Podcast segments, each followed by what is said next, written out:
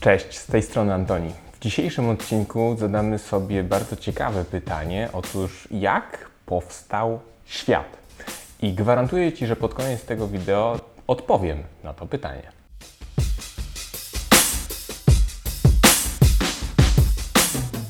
Czy zastanawiałeś lub zastanawiałaś się w ogóle kiedyś, jak powstał świat?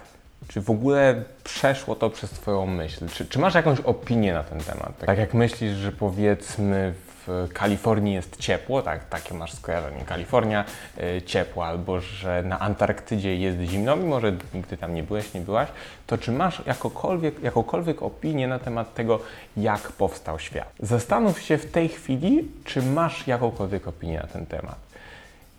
Masz? Okej. I wydaje mi się, że większość z nas wpadnie w jedną z dwóch kategorii.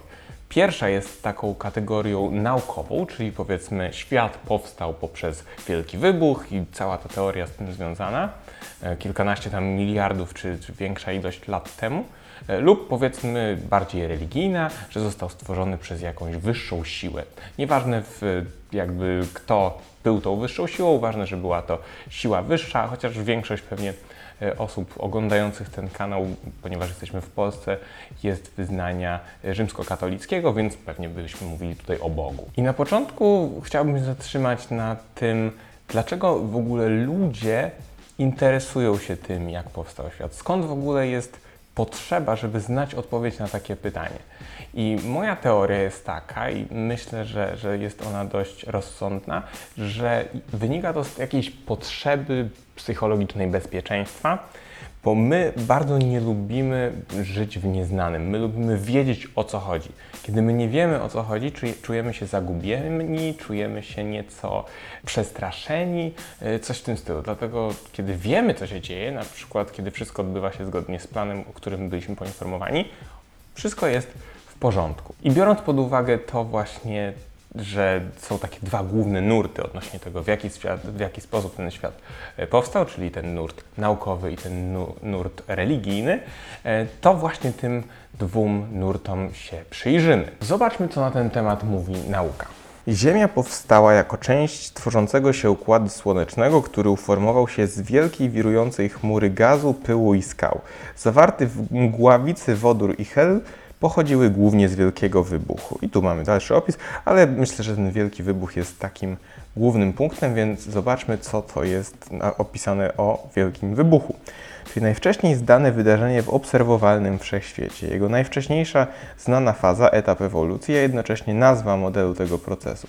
Według tego scenariusza około niecałych 14 miliardów chyba Lat temu miał miejsce wielki wybuch z bardzo gęstej, gorącej materii, wyłonił się znany wszechświat. Ok, czyli generalnie około 14 miliardów, wydaje mi się, że to jest 14 miliardów lat temu, chociaż tam jest jakiś dziwny znak, z którym się wcześniej nie spotkałem, e, po prostu coś wybuchło i stąd powstał cały wszechświat. Ok, zobaczmy, co na ten temat do powiedzenia ma religia. Wydarzenie stworzenia świata przez religię opisywane jest jako heksaemereon. E, jest tak nazywane, ponieważ według niego Bóg stworzył świat w ciągu sześciu dni, po których odpoczął w dniu siódmym. E, jest ono przypisane źródłu kapłańskiemu akcentującemu odpoczynek szabatowy. Jest opisem kosmologicznym i wyraża ówczesną wiarę w konstrukcję wszechświata. Schemat odpowiadania jest następujący. Dzień pierwszy stworzenie światła i oddzielenie go od ciemności, dzień drugi stworzenie sklepienia niebieskiego i tak dalej, i tak dalej, aż w końcu dnia szóstego stworzenie zwierząt lądowych i ludzi i dzień siódmy to odpoczynek. Natomiast tutaj pojawia się bardzo, ciekawa, bardzo ciekawe zjawisko, ponieważ można by powiedzieć, że nauka różni się od wiary tym, że w wierze po prostu wierzymy, że coś jakoś było, dlatego, że właśnie, dlatego właśnie nazywana jest wiarą, a w nauce opieramy się na faktach, na tym, co możemy zbadać, co możemy jakąś zweryfikować, przetestować. Natomiast jak możecie zauważyć, obydwie te teorie pokładają w bardzo dużej mierze swoje źródła i swoją genezę w wierze.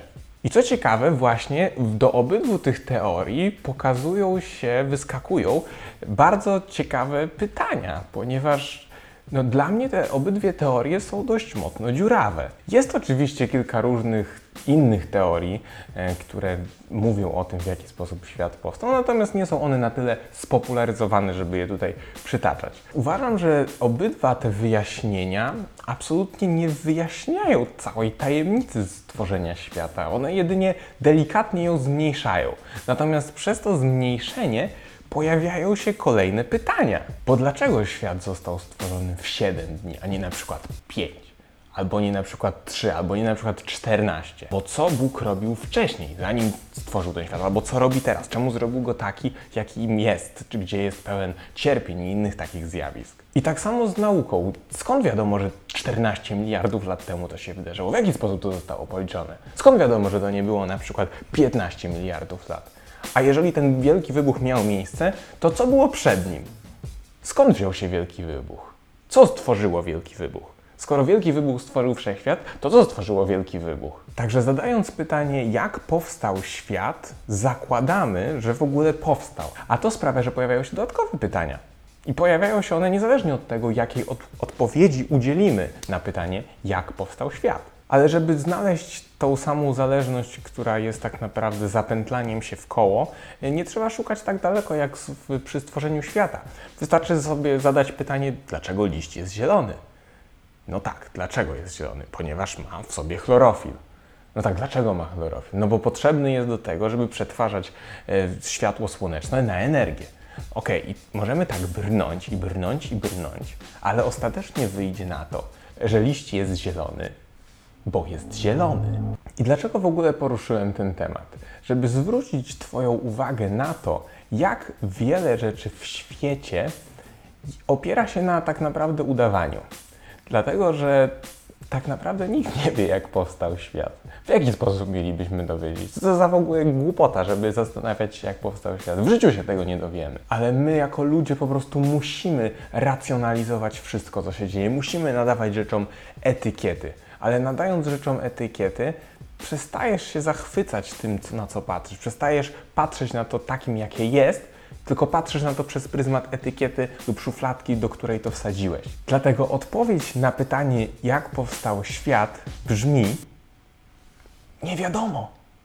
I prawdopodobnie nigdy w życiu się tego nie dowiemy. I szukanie odpowiedzi na pytanie, jak powstał świat, tylko po to, żeby mieć jakieś poczucie bezpieczeństwa, jest tak samo skuteczne jak siadanie podczas sikania, żeby poczuć się bardziej stabilnie w życiu. Dlatego nie bój się po prostu czasami powiedzieć, że czegoś nie wiesz. Ludzie im więcej zdobywają wiedzy, tym mniej są w stanie przyznać się do tego, że nie mają o czymś pojęcia. Zawsze chcesz wyjść na tą osobę, która jest pojętna, że, że jest wykształcona, że wie o co chodzi w życiu.